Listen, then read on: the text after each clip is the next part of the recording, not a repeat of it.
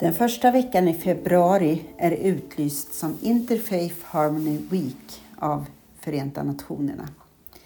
I Stockholm uppmärksammades den i söndags genom en interreligiös fredsmanifestation för samexistens och inkludering. Sedan 2012 finns Sveriges interreligiösa råd där religiösa företrädare på olika sätt verkar för fred, samexistens, fördjupad förståelse och respekt för tro och andlighet i vårt land. När jag själv var en del av detta råd gladdes jag över samtal om tro där jag fick dela med mig, men också lyssna och lära och finna en samhörighet i längtan efter ett samhälle där tro och andlighet ges utrymme. Jag vet att det finns olika synpunkter på interreligiöst arbete, men i en tid när utrymmet för olikhet krymper är dessa gränsöverskridande nätverk oerhört viktiga och fredsskapande. Min tro blir inte mindre verklig eller mindre hel för att jag talar med en människa av annan tro. Tvärtom. Nu och då återkommer jag till ett uttalande som gjordes i samband med manifestationen Vägra hata 2015. Det är nio år sedan, men tyvärr mycket aktuellt också idag. Och jag vill läsa delar av det uttalande som Sveriges religiösa företrädare enades om då.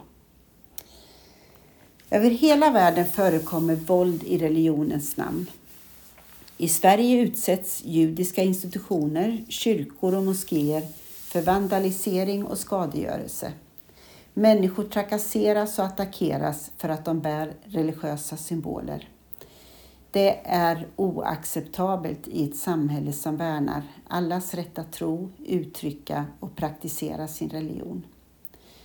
Som företrädare för olika religioner och trossamfund i Sverige tar vi bestämt avstånd från aggressivitet, hat och våld med religionens förtecken. Både när vi blir måltavla och när det skapas i våra egna sammanhang.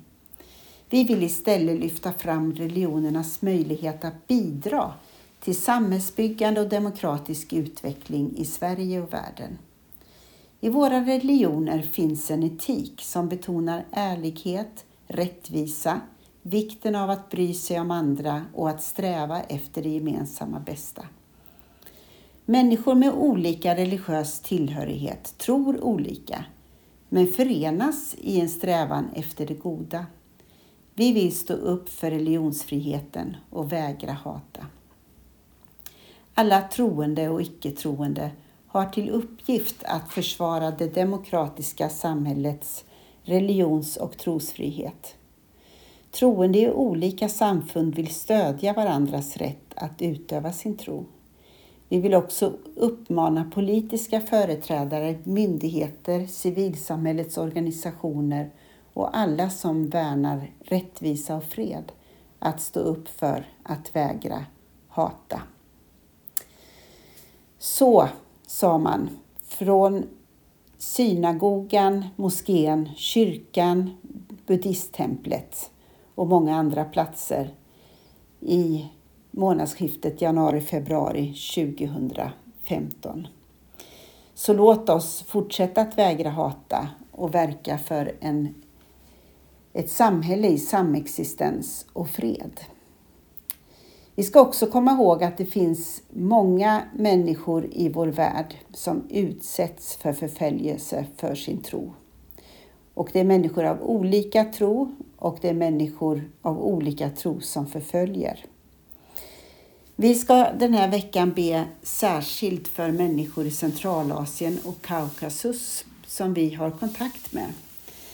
Vi ska be för deras möjlighet att kunna uttrycka sin tro och klara ut de förföljelser man utsätts för. Men vi ska också be för våra regioner öst och väst och vi ska be för frid och fred över hela jorden. Så låt oss be. Gud, vi ber för kyrkans regioner öst och väst. Vi ber för medarbetare i regionerna som vill stödja och uppmuntra församlingar och föreningars arbete. Och vi ber för samtalen om hur regionerna i kyrkan ska organiseras i framtiden. Jesus Kristus, så ber vi för människor i Centralasien och Kaukasus som har en tro på dig och som upplever förföljelse från omgivningen och myndigheterna. Ge dem kraft att leva i sin omvändelse, leva i efterföljelse till dig. Vi ber om mod och beskydd. Jesus Kristus, sänd oss i din frid med din frid över hela jorden. Amen. Så önskar jag dig en välsignad vecka och eh, gå i tro, gå i fred. Hej då!